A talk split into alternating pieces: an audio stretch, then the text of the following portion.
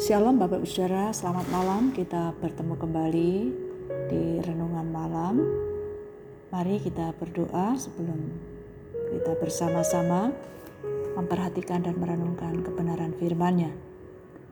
Bapa yang di surga, kami bersyukur untuk pertolongan Tuhan dalam kehidupan kami sepanjang hari ini. Saat ini kami akan membaca dan merenungkan kebenaran firman-Mu kami mohon Tuhan menolong kami agar di dalamnya kami makin mengenal Tuhan dengan benar, mengerti apa yang Tuhan ajarkan dan menjalani hidup sesuai dengan kebenaran firman-Mu itu. Dalam nama Tuhan Yesus kami berdoa. Amin. Mari kita bersama-sama memperhatikan dari Injil Markus pasal 8 ayat 14 hingga 21. Demikian bunyi firman Tuhan tentang ragi orang Farisi dan ragi Herodes. Kemudian ternyata murid-murid Yesus lupa membawa roti. Hanya sebuah saja yang ada pada mereka dalam perahu. Lalu Yesus memperingatkan mereka, katanya, berjaga-jagalah dan awaslah terhadap ragi orang Farisi dan ragi Herodes. Maka mereka berpikir-pikir dan seorang berkata kepada yang lain, itu dikatakannya karena kita tidak mempunyai roti.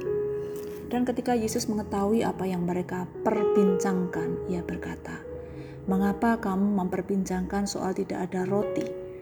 Belum jugakah kamu faham dan mengerti? Telah degilkah hatimu?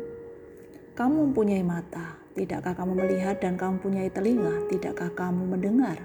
Tidakkah kamu ingat lagi pada waktu aku memecah-mecahkan lima roti untuk lima ribu orang itu, berapa bakul penuh potongan-potongan roti kamu kumpulkan? Jawab mereka, 12 bakul. Dan pada waktu tujuh roti untuk empat ribu orang itu, berapa bakul penuh potongan-potongan roti kamu kumpulkan? Jawab mereka, tujuh bakul. Lalu katanya kepada mereka, masihkah kamu belum mengerti? Para murid lupa membawa roti sebagai bekal untuk makan.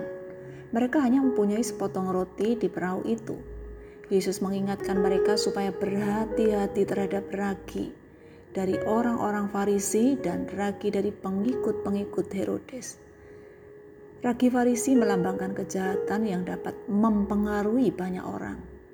Seperti ragi tidak kelihatan, sedikit ragi dapat mengkamirkan dan mempengaruhi seluruh adonan. Orang Yahudi memakai ragi sebagai gambaran untuk menyebarkan pengaruh yang buruk pada sesama Yesus memakai gambaran ragi sebagai pengaruh ketidakpercayaan orang-orang Farisi dan Herodes termasuk perbuatan Herodes yang jahat.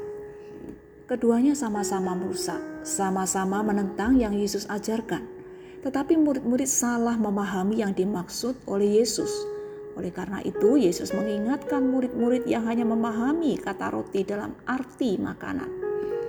Maka kamu memperbincangkan soal tidak ada roti belum jugakah kamu faham dan mengerti? Telah degilkah hatimu? Murid-murid khawatir karena tidak membawa makanan. Seharusnya mereka mengerti, tetapi mereka tidak mengerti. Yesus mengatakan, "Apakah pikiranmu masih tertutup?" Kamu mempunyai mata, tidakkah kamu melihat dan kamu punya telinga, tidakkah kamu mendengar? Tidakkah kamu ingat lagi? Yesus menasehati murid-murid, perhatikanlah, ingatlah yang sudah kulakukan bagaimana membagikan lima roti untuk lima ribu orang. Masih ada sisa 12 bakul, tujuh potong roti untuk empat ribu orang dan masih lebih tujuh bakul. Yesus hendak mengajarkan supaya para murid sungguh-sungguh percaya kepadanya. Percaya bahwa Yesus adalah juru selamat, Allah yang berkuasa, Allah yang memelihara hidup mereka. Jika kita mengetahui pengajaran yang benar, maka kita akan mengetahui yang salah, yang palsu, yang menyesatkan dan kita tidak terpengaruh dengan bermacam-macam ajaran yang salah. Mengetahui dan melaksanakan kebenaran firman Tuhan itu sangat berhubungan erat.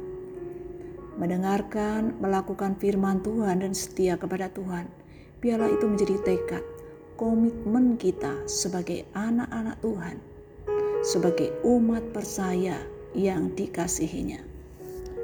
Kita berdoa. Bapa yang di surga kami bersyukur untuk kebenaran firman-Mu yang mengingatkan kami. Pentingnya kami memahami kebenaran firman-Mu dalam hidup kami. Tolong kami ya Tuhan, menyadari bahwa kebenaran-Mu itulah yang terus mengingatkan kami ketika lemah, memberitahukan bahwa ada pengharapan di dalam Tuhan dalam menghadapi persoalan hidup. Mengajarkan yang benar, bagaimana menjalani hidup bergantung kepada Tuhan.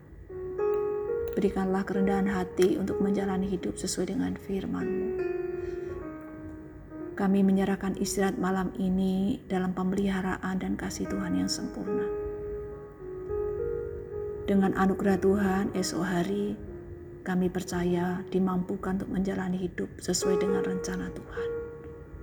Dalam nama Tuhan Yesus, kami bersyukur dan berdoa. Amin. Bapak Ibu sekalian, selamat malam, selamat beristirahat. Tuhan Yesus memberkati kita semuanya. Amin.